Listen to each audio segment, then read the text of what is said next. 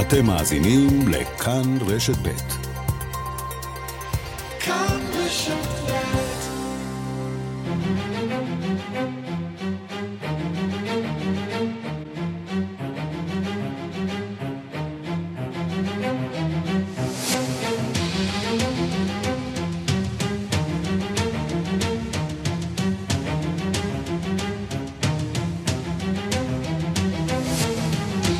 השעה בינלאומית, מהדורת יום שני, והיום בעולם. הממשל האמריקני צפוי להכריז על חרם דיפלומטי על משחקי החורף האולימפיים בבייג'ין עוד השבוע. בסין מאיימים להגיב.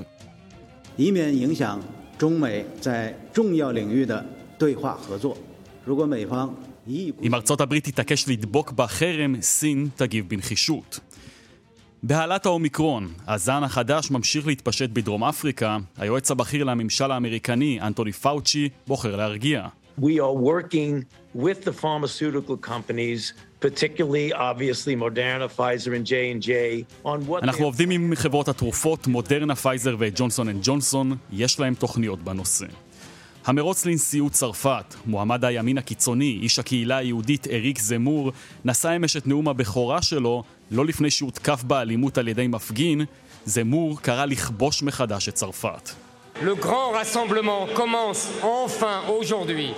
Vous êtes près de 15 000 personnes aujourd'hui. אם מנצח בבחירות, נחל בכיבוש מחדש של המדינה היפה בעולם. ארבע שנות מאסר נגזרו על מנהיגת מיינמר לשעבר וכלת פרס נובל לשלום אונג סן סוצ'י. החונטה הצבאית הרשיעה אותה בשימוש בכספי ציבור לצרכים פרטיים ובהחזקת ציות קשר בניגוד לחוק. וגם,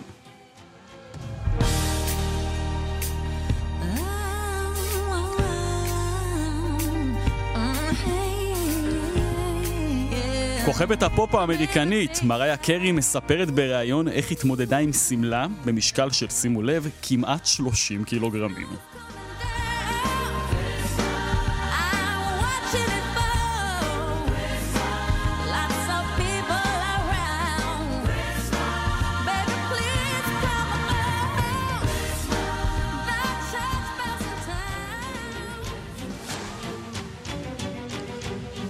השעה הבינלאומית בצוות העורך זאב שניידר, מפיקה אורית שולץ, הטכנאים אמיר שמואלי ושמעון דוקרקר, אני יואב זהבי, ואנחנו מתחילים.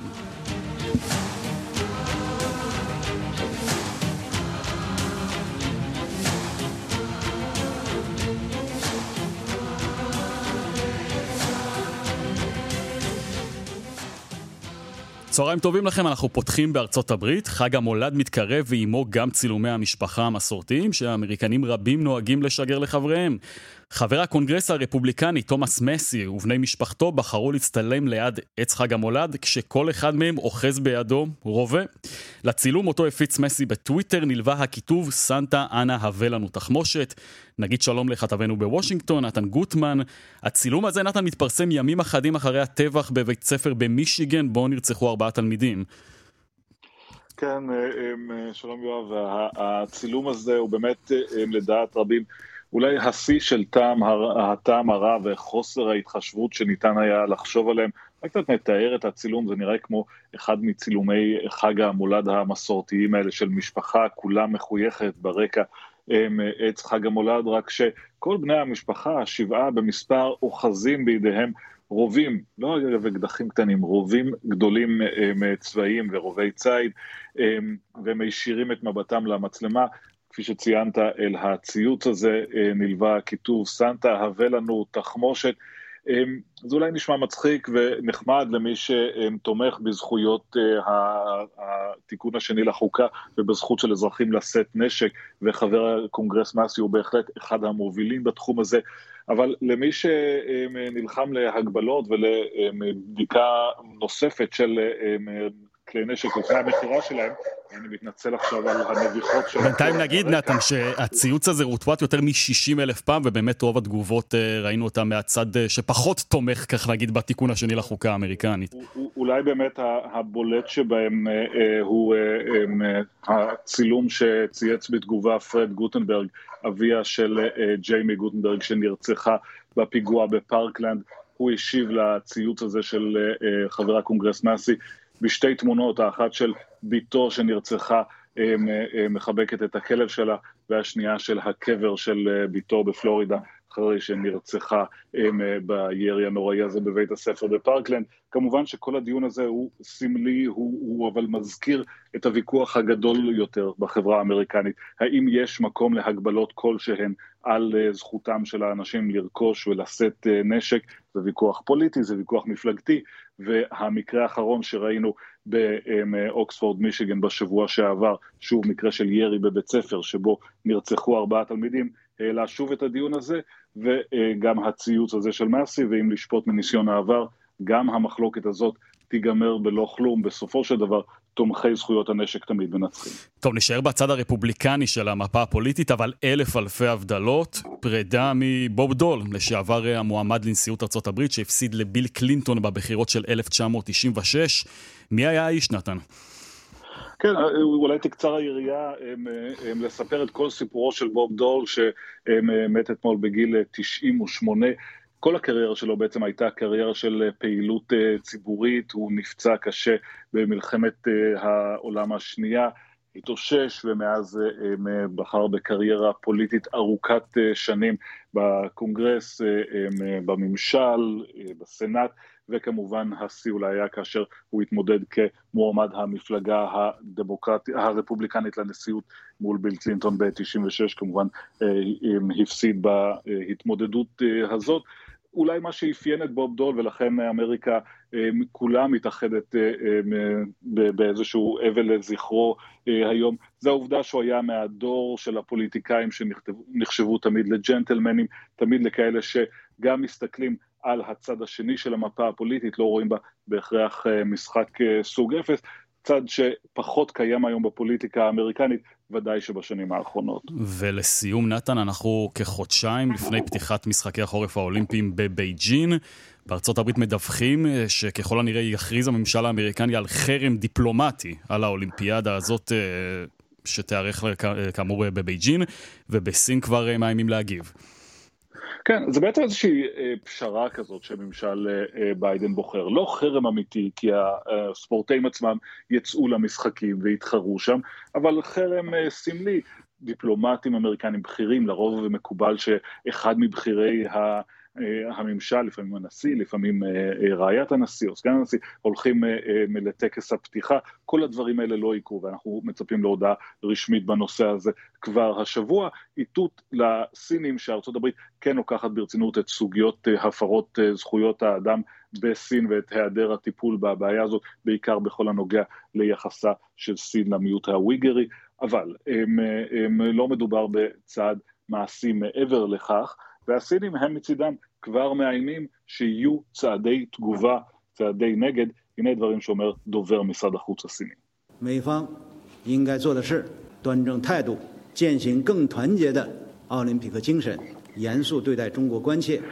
אומר הדובר ז'או ליג'ין כי על ארצות הברית לנקוט בגישה הנכונה ולהפגין יותר מהרוח האולימפית אה, אה, ש, שצריכה להיות במשחקים האלה. אל תהפכו את המשחקים האלה לעניין אה, פוליטי ואל תטילו חרם דיפלומטי על סין. בהמשך הוא אומר שאם ארצות הברית כן תעשה את זה, סין בהחלט נחושה לנקוט צעדי נגד. מה יהיו צעדי הנגד האלה אנחנו לא יודעים, אבל אנחנו כן יודעים שיש המון אינטרסים משותפים, בעיקר בתחומי הכלכלה והמסחר, כך שיש לסין מקום לכר נרחב לפעולה בעניין הזה. נתן, תודה. תודה רבה. ובהמשך ישיר לנושא הזה, נגיד עכשיו שלום לפרופסור איתן גלבוע. שלום יואב. מומחה לארה"ב באוניברסיטת בר אילן וחוקר בכיר במכון ירושלים לאסטרטגיה ולביטחון. אה, איתן, מה אמריקה מנסה בעצם להשיג בחרם הזה, שהוא רק צריך להגיד חרם דיפלומטי שלא כולל את הספורטאים האמריקנים? אני חושב שנתן אמר, אה, זה איזשהו איתות אה, לסין, שארה"ב לא מרוצה מהמדיניות שלה, ולא רק בתחום של הפרות אה, זכויות האזרח. בסוף השבוע תתקיים ועידה של הדמוקרטיות בוושינגטון. מאה מדינות הוזמנו להשתתף בוועידה הזאת, כולל טיוואן, שזה להכניס יד, אצבע על העיניים של הסינים. ולכן הסיפור כאן הוא מערכת היחסים בין סין לבין ארה"ב. שיש מי שכבר uh, השתמש במושג frenemy, שזה שילוב של friend ו-enemy, כלומר, יש תחומים שבהם שני הצדדים יש להם אינטרסים משותפים, בעיקר בתחום הכלכלי, ויש בתחומים אחרים ששם אחד, אחד רואה את השני כאויב. וכך מתייחס אליו. דיברת על ועידת המדינות הדמוקרטיות, ושמענו בשבועות האחרונים קולות דומים גם בקנדה, גם, בארצות, גם בצרפת, סליחה, וגם בבריטניה. אתה חושב שיש סיכוי שנראה כאן איזשהו ציפוף שורות של המערב מול סין לקראת המשחקים האלה? כן, זה בדיוק החשיבות של ההודעה האמריקנית הזאת, וזה בדיוק החשש של סין, שזה לא יהיה רק ארה"ב, אלא שזה יהיה מין כדור שלג שיתגלגל גם למדינות אחרות, גם אוסטרליה חושבת עכשיו שלא להגיע לשם. תראה, אה, אירועי ספורט אה, תמיד היו חשובים מאוד לדימויים של מדינות, ופגיעה באירוע כזה זה פגיעה בדימוי של המדינה. אני יכול להגיד לך שבמשחקים האולימפיים הקרובים, אלה משחקי החורף. שמתקדמים בשנים, דו-שנתי כזה שבין משחקי הקיץ, הסינים השקיעו 4 אה, מיליארד דולר. השתתפו שם 3,000 אנשים, 85 מדינות, שידורים מסביב לשעון. אנחנו מכירים את החשיבות של אה, אירוע כזה. נזכיר כמובן שאירחו גם את, המשחקי, את משחקי הקיץ ב-2008. נכון, נכון, וזה היה ב-2008. כן. אה, אני יכול להגיד לך מהניסיון שלי, אני הגעתי לשם כי הסינים רצו להתייעץ איתי איך הם, איך הם מנצלים את משחקי הקיץ כדי להשיג הישגים בתחום הדיפלומטיה הציבורית. הם, הם רוצים להיות מעצמה הגמונית בעולם. אבל הם רואים שחוששים מהם, ולכן הם המציאו את המושג שנקרא, באנגלית זה נקרא peaceful rise, זאת אומרת התעצמות אבל בדרכי שלום, וההתנהלות הזאת של ארה"ב מולם מפריעה להם מאוד. עכשיו, שמענו בכת... בדיווח, סליחה, של אה, נתן, שסין מאיימת להגיב, מה יש לה בארגז הכלים? כן, יש, יש כמה דברים שהם יכולים לעשות. לא יודע אם הם יעשו את זה, כי יכול להיות שזה איומי סרק. אבל הם יכולים אה, להגיב בחרם נגדי, לכאורה, על ועידות בינלאומיות חשובות. אה, סין היא גורם חשוב למשל בתחום המאבק בנושא האקלים, כנסים וועידות בתחום המסחר הבינלאומי. יש כאן איזה סיפור שיכול להיות מאוד רגיש, מפני שהרבה מאוד חברות, בעיקר גלובליות, הן ספונסריות של המשחקים האלה. וסין יכולה להטיל עליהם מין חרם נגדי, והם עשו את זה לא מזמן. למשל, אה, החברת נייקי ו-H&M הם החליטו לא לייבא יותר כותנה מסין, ואז סין הטילה עליהם איזשהו חרם. כך שאלה אמצעים אה, בחלקם פוליטיים ובחלקם כלכליים שבהם הם יכולים להשתמש. תראה, אי אפשר להתעלם אה, מכך שזה מתחיל להזכיר במשהו את המשחקים האולימפיים במוסקבה ב-1980, אז כמובן כולנו זוכרים את החרם המערבי. אה, בין השאר בגלל הכוח הכלכלי הזה שדיברת עליו עכשיו של סין, זה לא צפוי להיראות אותו דבר, נכון? אנחנו נראה כאן משהו אחר לגמרי. בהחלט לא, טוב שאתה מזכיר את זה, כי זה באמת היה לפני 40 שנה. וממשל הנשיא אה, ג'ימי קרטר אה, הטיל חרם על משחקי מוסקבה שהיו ב-1980. תראה, בכלל, כל הנושא האלה של חרמות וסנקציות, לא ברור שזה עובד. הנה, תראה את המקרה של איראן. סנקציות מאוד קשות, שום דבר לא הזיז אותם. אבל אתה יודע, אה, השאיפה הזאת של ארה"ב להטיל חרם על המשחקי, המשחקים, משחקי החורף, והם לא, והם לא מטילים חרם על ספורטאים. אז ב-1980 זה היה גם אה, מניעה מהספורטאים להגיע לשם. לי דווקא זה קצת אירוני. חצי אולימפיאדה ממש. מה? חצי אולימפיאדה ממש זה היה אז, כן. נכון. אה, כאן, תראה, אתה מזכיר לי דווקא משהו אחר לגמרי, זה קצת אירוני. כי היחסים בין ארצות הברית לבין סין הקומוניסטית התחילו לפני 50 שנה בדיפלומטיה של ספורט. הפריצה הייתה באמצעות הזמנה של סין לארה"ב לשלוח אה, אה, משלחת של שחקני פינג פונג, וזה היה באפריל 1971. אז משתמשים הרבה מאוד בספורט לצורכי דיפלומטיה, אז היה לצורך חיובי, היום זה לצורך שלילי. ואם אפשר לשאול אותך, איתן, בכלל אנחנו רואים שביידן מאוד מאוד תקיף אה, מול הסינים מאז שהוא נכנס לבית הלבן, אפילו יותר מטראמפ, הרבה יותר מטראמפ, כך נראה לי לפחות מכאן. מה הוא מנסה להוכיח? כן, קודם כל אתה צודק, וזו מגמה שנמשכת כבר אה, מאובמה, טראמפ, הוא ממשיך, אה, אה, הוא ממשיך את התפיסה הזאת כבר זמן רב. הסיבה לכך שארה"ב רואה את סין אכן כמדינה שמנסה עכשיו יותר מבעבר לדחוק את רגליה ולהשיג איזו שליטה בעולם. אני יכול להגיד לך שסין אימצה אסטרטגיה שנקראת Belt and Road, שזה חגורות וכבישים, והם משקיעים בעולם, בעיקר באפריקה, אה, בהיקפים ענקיים בתחומי תשתיות ונמלים. הם בונים נמלים היום, הם בונים נמלים באיזה מאה מקומות, וזה מאפשר להם להשיג אה, אה, נגישות ושליטה. והחשש הזה שהם הם, הם עובדים גם על תחומים אסטרטגיים וגם על תחומים כלכליים כדי לדחוק את רגליה של ארה"ב, זה מה שמניע אותה לראות בהם את האיום הכי גדול על מעמדה של ארה"ב בעולם, ו... ולכן הם מנסים אה, להתמודד עם הנושא הזה בדרכים שונות. רק ב-15 בנובמבר, לא מזמן, הייתה שיחה ביוזמה של ביידן עם שי ג'ינפינג, נשיא סין, אה, דיברו הרבה זמן, דיברו על זה שאולי זה יהיה איזושהי פריצת דרך פתיחת דף חדש, אבל התברר שהפערים בין שתי המעצמות האלה הם גדולים, ויש אה, בין הקולגות שלי לא מעט חוקרים בארצות הברית שחושבים שזה מסוכן, ואפילו יכול להביא למלחמה בין שתי המעצמות האלה. פרופסור איתן גלבוע, מומחה לארצות הברית באוניברסיטת בר אילן וחוקר בכיר במכון ירושלים לאסטרטגיה ולביטחון. תודה רבה לך. תודה רבה, יואב.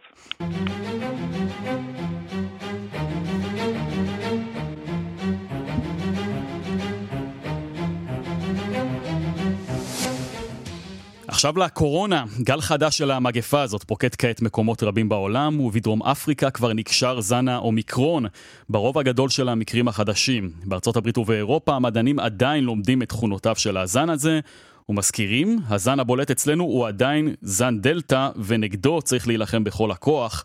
כתבת חדשות החוץ נטליה קנבסקי עם הדיווח. זן אומיקרון שאובחן בתחילת נובמבר בדרום אפריקה מדאיג את המדענים ואת המנהיגים בעולם כי עדיין לא ברור עד כמה הוא קטלני ואיך הוא מגיב לחיסונים הקיימים.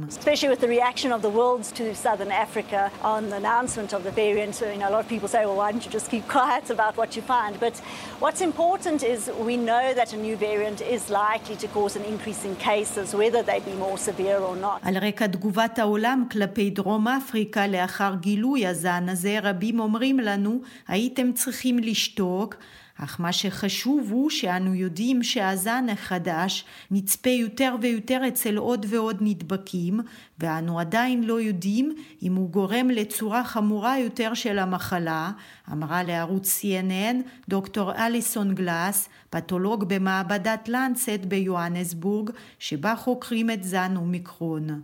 בדרום אפריקה הווריאנט הזה כבר הוכרז כשולט, והתושבים חוששים כעת מסגר חדש על רקע הגל הגובר של המגפה ורמת הספקנות הגבוהה שמונעת קצב התחסנות סביר באוכלוסייה. התפשטות הנגיף נמשכת במהירות גם בארצות הברית, התופעה שקיבלה דחף נוסף לאחר חג ההודיה. בפעם הראשונה בחודשיים עבר מספר הנדבקים היומי את הרף של מאה אלף, עלייה נצפית גם ברמת התמותה, 1651 מתים בממוצע ביממה בשבוע האחרון, שיעור תמותה כזה במערב אירופה כבר לא ראו מזמן, והמומחים סבורים שההסבר לכך הוא ההבדל בשיעור המחוסנים, בארצות הברית הוא נותר נמוך מ-60% מן האוכלוסייה, רק כ-23% כבר קיבלו את מנת הדחף.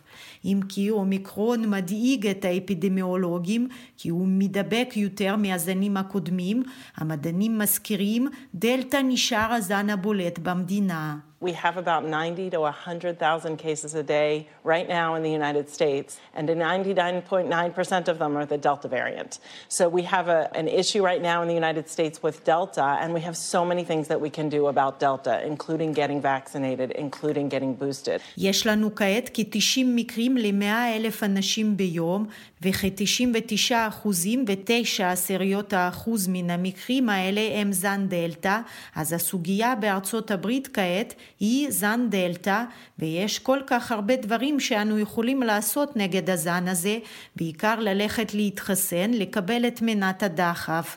הסבירה בשיחה עם ערוץ ABC דוקטור רושל ולנסקי, מנהלת המרכז האמריקני לשליטה במחלות ולמניעתן. אך גם אם דלתא נותר לעת עתה הזן המוביל במדינה, יצרניות החיסונים בודקות כעת עד כמה המוצרים הקיימים שלהן נותנים מענה הולם לאומיקרון. We are working with the pharmaceutical companies particularly obviously Moderna, Pfizer, and J&J, on what their plans are. And they do have plans that have multiple contingency. One is to rev up the production of אנו עובדים עם חברות התרופות, בעיקר מודרנה, פייזר, ג'ונסון את ג'ונסון, על גיבוש תוכניותיהן. אחת התוכניות היא להגביר את ייצור החיסונים שאותם הן כבר מייצרות. התוכנית הבאה היא לייצר חיסון יעיל גם לזנים הקודמים וגם לזן החדש. והתוכנית השלישית היא לייצר חיסון דחף במיוחד לזן החדש, כך הסביר בסוף השבוע דוקטור אנטוני פאוצ'י, מנהל המכון האמריקני לאלרגיה ולמחלות זיהומיות, המייעץ לבית הלבן. השעה בינלאומית חזרנו ועכשיו אנחנו לצרפת, שם מערכת הבחירות לנשיאות שיערכו בחודש אפריל נכנסה להילוך גבוה. כל המתחרים של הנשיא מקרון כבר נקבעו, והסיפור המעניין של היממה האחרונה הוא מועמד הימין הקיצוני אריק זמור, שהוא גם יהודי. אמש הוא גנב את ההצגה בנאום הבכורה שלו, אחרי שהכריז על מועמדותו לנשיאות.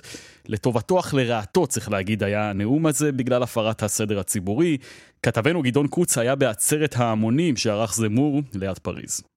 מערכת הבחירות לנשיאות צרפת מתחממת סוף סוף, רק המועמד העיקרי, הנשיא המכהן, עמנואל מקרון, לא ממהר להכריז על מועמדותו. נוח לו להניח למתיימרים להחליפו, להתמודד ולהתקוטט כדי להעלות את ערכו המוסף. אמש נכנס לפעילות נמרצת המפתיע במועמדים עד כה, אריק זמור, העיתונאי מהימין הקיצוני, יהודי שמשפחתו הגיע מאלג'יריה, שהסקרים נותנים לו כ-15% בסיבוב הראשון, עדיין מאחורי רבתו העיקרית מרין לפן, שנראית לפתע מתונה, ובשעה שזמור ערך את עצרת ההמונים הראשונה של המערכה הזאת בהאנגר ענק של גני התערוכה מצפון לפריז, הניחה לפן זר על אנדרטת לוחמי גטו ורשה בבירת פולין. כבר מכניסתו של זמור קטן הקומה בטקס אורקולי מרשים לאולם ניתן אות לאלימות כשאחד הצופים התנפל עליו בחיבוק ממושך בצווארו והורחק על ידי הסדרנים. זמור שניסה להשתחרר נחבל במפרק כף ידו אבל שכח את כאביו על הבמה והחל לתת לקהל עם אחוז גבוה של צעירים שנופף בים אחיד של דגלי צרפת את מה שציפו ממנו. ביטול מיסי הכנסה וירושה, הרבה עלבונות כלפי הנשיא מקרון, שהוא איש קטן, ילד מתבגר ומוכן למכור את צרפת. לתנועה שהקים הוא קרא כיבוש מחדש, רקונקט, כמו הרקונקוויסטה של הקתולים הספרדים מידי המוסלמים. petit juif berbère venu de l'autre côté de la Méditerranée. אם אנצח בבחירות זה לא יהיה עוד שינוי בממשל, אלא תחילתו של הכיבוש מחדש של המדינה היפה הזאת. והוא גם סימן לקהל הנלהב שלו את האויבים המוכרים, כשהוא עושה חיבור מעניין בין המתנגדים הפוליטיים שרוצים במותו הפוליטי, העיתונאים, מקצוע שבכל זאת עסק בו כמה עשרות שנים, שרוצים את מותו החברתי, והג'יהאדיסטים המוסלמים, שרוצים במותו פשוטו כמשמעו, מבחינתו כולם במחנה אחד. Le grand rassemblement commence enfin aujourd'hui. Vous êtes près de 15 000 personnes aujourd'hui. Si je gagne cette élection, ce ne sera pas une alternance de plus, mais le début de la reconquête du plus beau pays du monde. Contre moi, הקהל קרא זמור נשיא בנאומי החימום לפני שעלה לבמה, קרא אפילו פעיל של המלוכנים להכתיר אותו כמלך.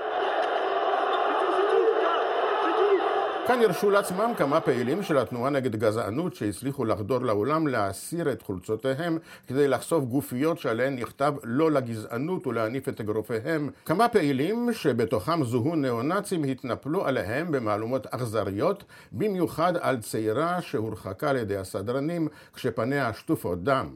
Tirer notre pull en dessous duquel était un t-shirt avec des lettres qui permettaient de former la phrase non au racisme. On a levé le poing, on n'a pas bougé, on s'est juste levé, madame. בסך הכל הסרנו חולצות והנפנו אגרופים, זה כל מה שעשינו. הסדרנים הרחיקו אותם ובאותה הזדמנות גם כמה עיתונאים לא רצויים. בחוץ עצר מערך מסיבי של המשטרה כ-60 מפגיני שמאל ועל הבמה הגיב זמור על האשמתו בגזענות. אני גזען? הגזענים אומרים כי רק מי שכאן מימי המלך המיתולוגי קלוביס הוא צרפתי אמיתי. איך אני, יהודי ברברי קטן שהגיע מהצד השני של הים התיכון, יכול לטעון זאת? למוסלמים שרוצים להישאר בצרפת, הוא קורא לעשות כמוהו, לעבור הטמעה, אסימילציה לבתי הספר והמכללות, תחזור המשמעת וננקה אותם מידי האסלאמו-שמאלנים. האסלאמו-שמאלנים היו אותה שעה בעצרת קטנה יותר של מועמד השמאל הקיצוני ז'אן לוק מלנשון שאינו מצליח להתרומם בסקרים בדיוק כמו המועמדת הנבחרת של הרפובליקנים הגוליסטים ולרי פקרס אישה ראשונה בראשות התנועה היא גם חייבת להשביע את רצונו של יריבה אריק סיוטי חברו הטוב של זמור ושותף למרבית דעותיו שקיבל בכל זאת 40% מקולות הפעילים זמור קרא כמובן לתומכיו של אריק השני להצטרף אליו. כאן גדעון קוץ, מפריז. אבי פזנר, לשעבר שגריר ישראל בצרפת, שלום. שלום לך. אתה חושב שאריק זמור יוצא כמנצח מהערב הזה? אתה רואה אותו מתרומם בסקרים? נגיד רק שהוא עומד עכשיו על 14 אחוזים. תראה, הוא כבר היה ב-19 ו-20 אחוזים לפני חודש, אה, לפני שהוא הכריז רשמית על הליכתו לבחירות. עכשיו, הוא הכריז רשמית, הוא עשה עצרת שמשכה המון תשומת, תשומת לב לחיוב ולשלילה. וזה ללא ספק יעזור לו בסקרים, אבל בואו לא נשכח, הבחירות הן באפריל, עוד חמישה חודשים, ועוד זמן רב יעבור, והרבה מים בסצנה יעברו, ויהיו הרבה הרבה סקרים לכאן ולכאן, אבל מה שאין ספק, שאריק זמור הוא הדמות המעניינת ביותר בבחירות האלה, והוא למעשה שהתחיל את מערכת הבחירות בצרפת, בעצרת ההמונית הזאת, קצת צפונה מפריז, שהסתיימה במהומה לא קטנה. תגיד, איך היית מאפיין את התומכים של זמור? תראה, בסך הכל אני חושב שהם בימין הצרפתי, אבל יש פה איזושהי בעיה, מכיוון שאם היית שואל אותי איך אני מאפיין את התומכים של מרין לפן, אה, שהיא אה, ראש מפלגת האספה הלאומית, מה שהיה החזית הלאומית, שהיא המפלגה הימנית בצרפת, גם אז הייתי אומר לך, כלומר, יש לך היום בעצם שתי מפלגות ימניות, אתה יכול לקרוא להן קיצונית, אתה יכול לקרוא להן סתם מפלגות ימניות קשוחות, אבל זה ללא ספק מראה מה הולך בדעת הקהל בצרפת.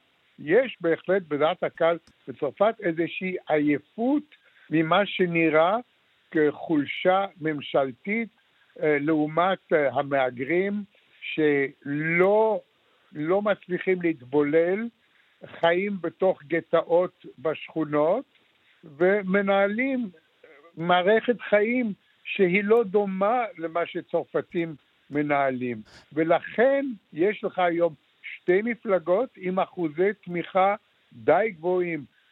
אה, דרך אגב, מרין לפן יש לה 19 אחוז בסקרים, תיקח את אה, אריק זמור עם 14-15 אחוז, אתה מגיע כשליש מבוחרי צרפת מתייצבים בצד הימני הקשוח של המפה הפוליטית. אני חייב לשאול אותך בהקשר של אה, מרין לפן, לא היה עדיף לימין, לימין הקיצוני הצרפתי, ליצור איזושהי חזית, חזית אחידה? הרי בסופו של דבר אה, אה, רק אחד, אחד מבין השניים האלה, שככל הנראה זאת תהיה לפן, תעלה לסיבוב השני. ייתכן שאחרי זה היא תסחוב אליה גם את המצביעים של זמור, אבל לא היה עדיף להם ללכת ביחד?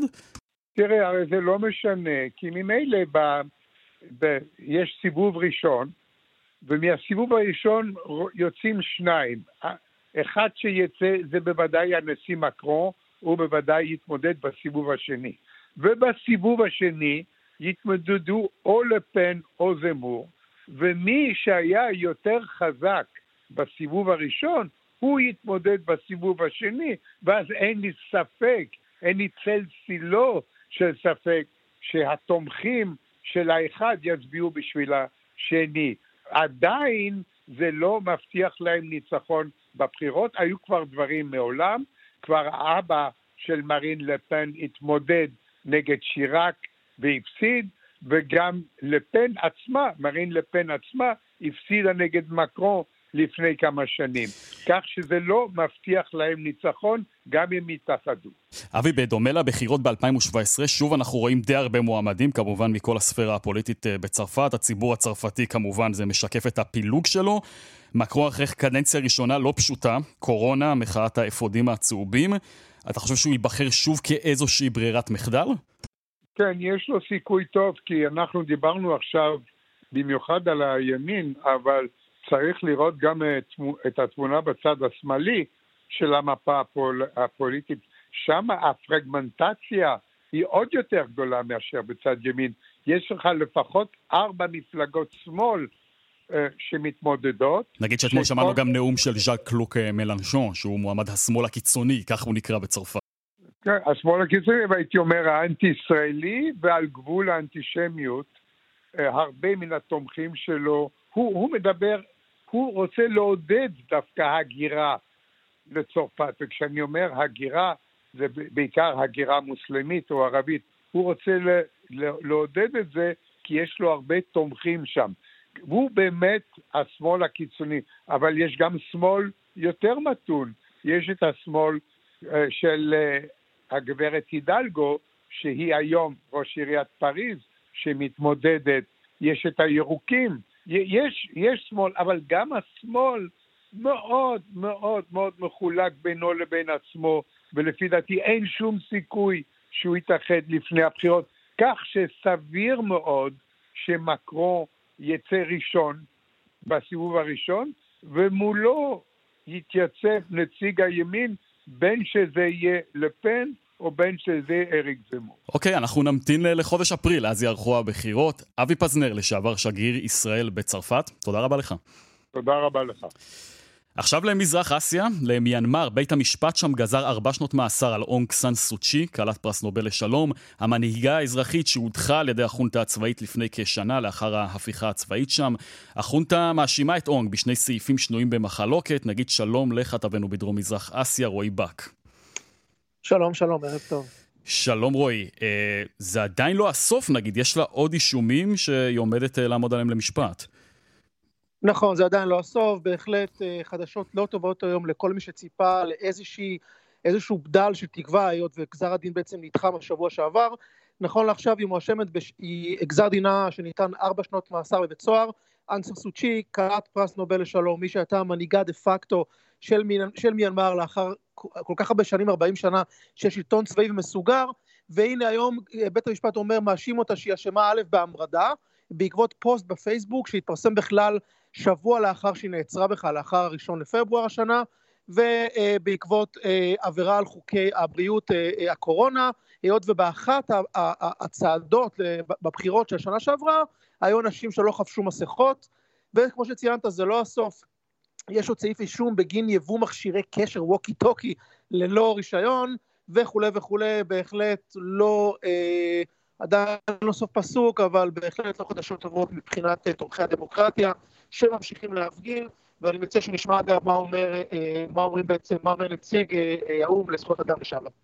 any trial in Myanmar is not a fair process. The Myanmar does not have an independent judiciary in the first place. כן, ינבי אומרת, כל בעצם משפט במיינמר הוא לא בעצם הליך הוגן, אין שום רשות שופטת עצמאית במיינמר מלכתחילה, ובמצב הזה, מתחת, בעקבות השליטה של החונטה, החונטה בעצם מפקחת על כל דבר, ולכן אף אחד לא יכול לומר שההליך שניתן לאנסר סוצ'י בעצם היה הליך הוגן, חופשי ועצמאי.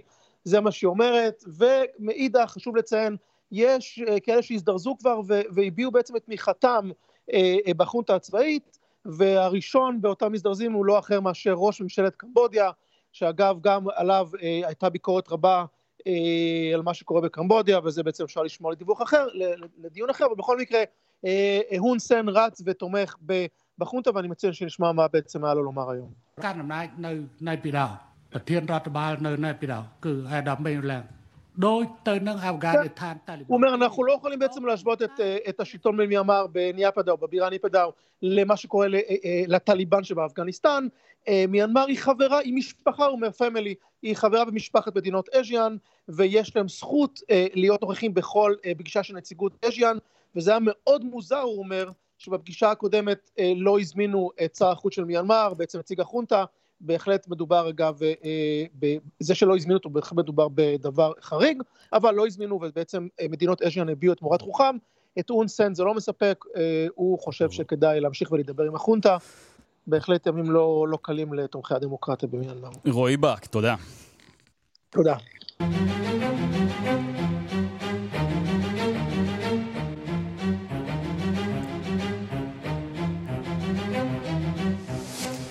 עכשיו לגמביה, המדינה הקטנטנה שבמערב אפריקה. הנשיא המכהן של גמביה, אדמה ברו, ניצח בבחירות שנערכו שם בשבת, בפעם הראשונה מזה שנים רבות. הרודן לשעבר, יחיא ג'אמה, לא השתתף בבחירות, ונציג מטעמו הגיע רק למקום השלישי. מדווחת עורכת ענייני אפריקה, רינה בסיסט. תוצאות הבחירות בגמביה לא ממש הפתיעו את האזרחים. אדם הברו מכהן בתפקיד כבר ארבע שנים, ו-53% מהבוחרים הצביעו עבורו. במילים אחרות, הניצחון שלו היה מוחלט כבר בסבב הראשון, ולכן סבב שני פשוט לא ייערך. לאחר פרסום התוצאות אמש, יצאו רבים מאזרחי גמביה לרחובות הבירה בנג'ול כדי לחגוג. הם צפו בצופרים, השמיעו מוזיקה ורקדו ברחובות. ברו עצמו יצא אתמול לתומכיו והביע את תודתו על אמונם בו. I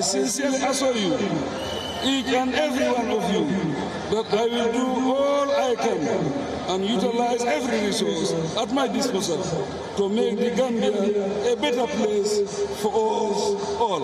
אני מתחייב בפני כולם שאעשה ככל יכולתי ואשתמש בכל משאב שעומד לרשותי כדי להפוך את גמביה למקום טוב יותר עבור כולכם, כך הוא אמר.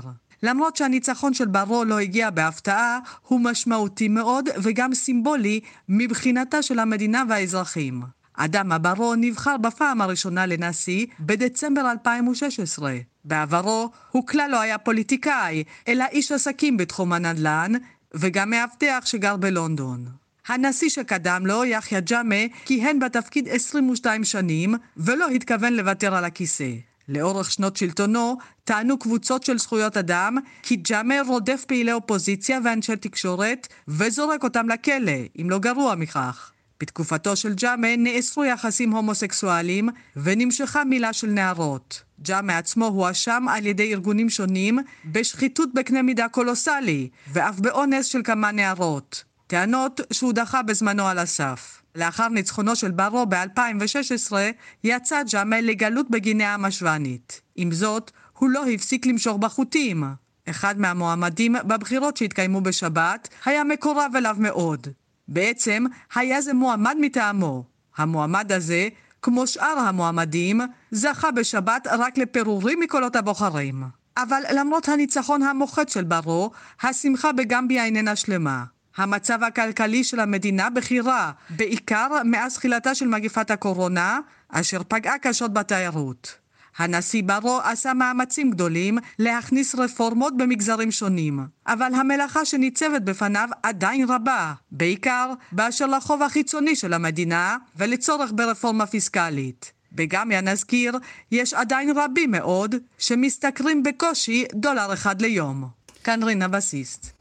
בטהרן מתרחש היום ביקור לא שגרתי. היועץ לביטחון לאומי של האמירויות, השייח' תחנון בן זייד, הגיע לגיחה נדירה באיראן ברקע הניסיונות של הנסיכות המפרצית לפתור את הבעיות עם האיראנים באמצעות דיאלוג. שלום לכתב העולם הערבי רועי קייס. כן יואב, אז אין ספק שקורים דברים מעניינים בציר הזה שבין אבו דאבי לטהרן בתקופה האחרונה, ולא רק שם, ואנחנו תכף נגיע לזה. אבל לענייננו, ביקור שלא התרחש שנים, היועץ לביטחון לאומי של האמירויות, השייח' תחנון בן זייד, מגורמי הממשל הבכירים ביותר במדינה המפרצית, נוחת הבוקר בטהרן, הוא נפגש עם בכירי הממשל שם, ובראשם נשיא איראן אברהים ראיסי. הביקור הזה מתרחש כשברקע שיחות הגרעין המדשדשות בין איראן למעצמות, ובמסגרת איזשהו ניסיון של אבו דאבי להידבר עם טהרן ישירות, צריך לומר שהיחסים בין האמירויות לאיראן היו שם תמיד, לפני הנרמול איתנו, כלומר עם ישראל, ואחרי הנרמול עם ישראל, בעיקר בכל מה שקשור לסחר בין המדינות ולסוגיות כלכליות אחרות, אבל אין ספק שמדובר כאן בעליית מדרגה, וגם האמירותים עצמם אומרים שהם רוצים לפתור את הבעיות באזור ועם איראן באמצעות דיאלוג ולא באמצעות עימות. לאחרונה סגן שר החוץ האיראני, עלי בכרי, זה שמנהל את שיחות הגרעין מהצד האיראני, ביקר באמירויות הוא הכריז משם ששתי המדינות החליטו לפתוח פרק חדש ביחסים בין שתי המדינות.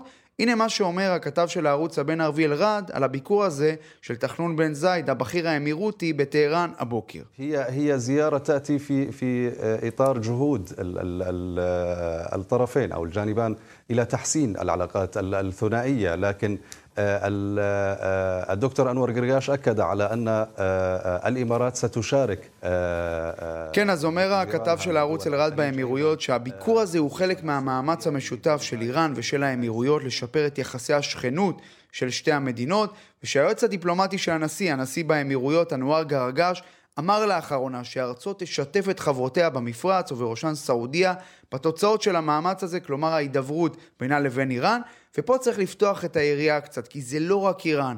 באמירויות, כך נראה, מנסים ליצור גשרים למקומות באזור שבמשך שנים הם נמנעו מהם. לאחרונה ראינו את הביקור הנדיר של נסיך הכתר של אבו דאבי, השייח' מוחמד בן זייד בטורקיה, אצל ארדואן, מעוז האחים המוסלמים. לא מזמן שר החוץ של האמירויות, עבדאללה בן זייד, קיים ביקור נדיר בדמשק אצל נשיא סוריה בשאר אל-אסד. כלומר, אנחנו רואים שהקווים הקשיחים בין המחנות האזוריים לא הרמטיים לחלוטין, וכן יש ניסיונות של שחקנים כאלה ואחרים באזור כמו האמירויות לנסות ולהוביל תהליכים שלא קרו במשך שנים. נזכיר שבחודשים האחרונים סעודיה, שניתקה יחסים עם איראן בכל תרועה לפני כמה שנים, מנהלת איתה שיחות גישוש בבגדד כדי לנסות לראות אם אפשר לגשר על הפערים הגדולים בין שתי המדינות. חילופי הממשל בוושינגטון, הנפילה של טראמפ, העלייה של ביידן, ללא ספק השפיעו על התהליכים האלה באזור, מדינות שמנסות להתקרב ליריבות, מעניין לראות לאן זה יוביל, ועדיין זה לא אומר שבאבו דאבי או בריאד לא רואים כבר עין בעין עם ישראל בכל מה שקשור לגרעין האיראני או להתפשטות האזורית של איראן, השאלה היא דרך הטיפול בנושא. רועי, תודה.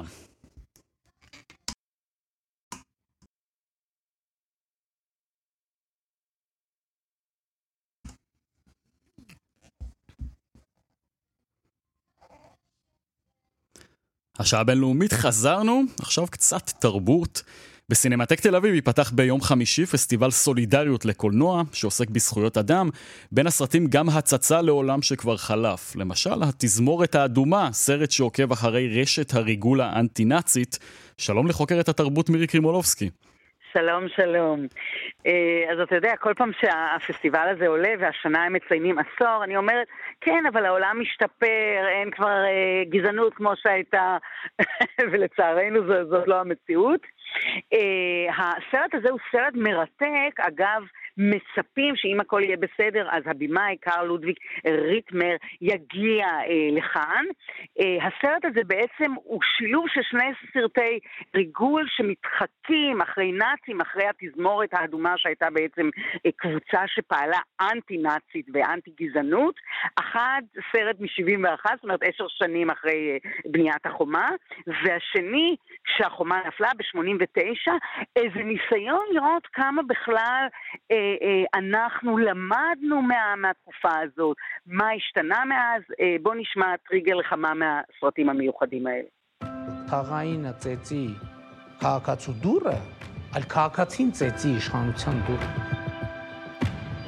We're just people that stood up and asked everybody to come and stand with us. I started a movement to protect my future. Our generation for our seat on table. אגב, כמובן שיהיו סרטים שמדברים על קהילת הלהט"בים, על נשים. לי מאוד מעניין לראות סרט שנקרא חלומות דמשק, שזה סרט של בחורה שהיא כבר נולדה בקנדה, אבל כשסבתה מדמשק מתה, היא בעצם עושה תחקיר של גולים גם בקנדה, אנשים מסביבה, על דמשק של פעם.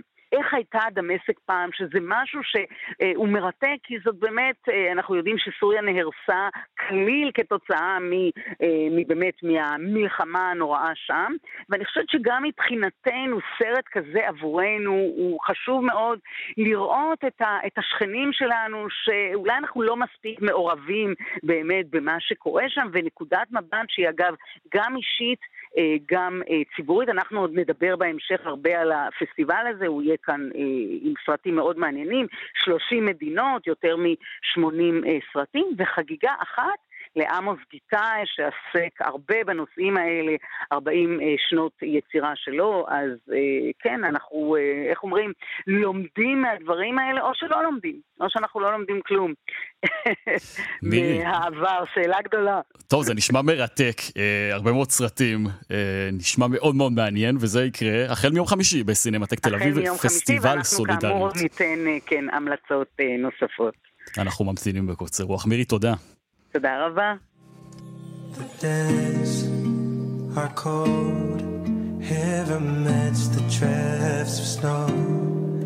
Just a metaphor of us so many Christmases ago. We had our love so deep, just like the joy the season brings. So let's fall in love again at Christmas time. I, and every Christmas I'll be there this time of year. טוב, אולי זיהיתם? זו מריה קרי, זמרת כוכבת הפופ האמריקנית, היא מזוהה גם כמלכת חג המולד, והיא כיכבה בפעם השנייה בספיישל חג המולד בשיתוף Apple TV, טקס שבו היא הופיעה ואירחה אמנים מוכרים נוספים. בריאיון לרשת BBC הבריטית, ריאיון שבו היא קידמה את האירוע, סיפרה קארי כי אחת מהשמלות המפוארות שלבשה, לבשה לאותו ספיישל, שקלה בין 60 ל-70 פאונד, שימו לב זה כמעט 30 קילוגרמים. וזה הצריך את עזרתם של עוד שישה גברים שיחזיקו את השמלה עם הכניסה של קארי לבמה. זה השיר Fall in Love, מהשירים ששרה בטקס, בואו נשמע.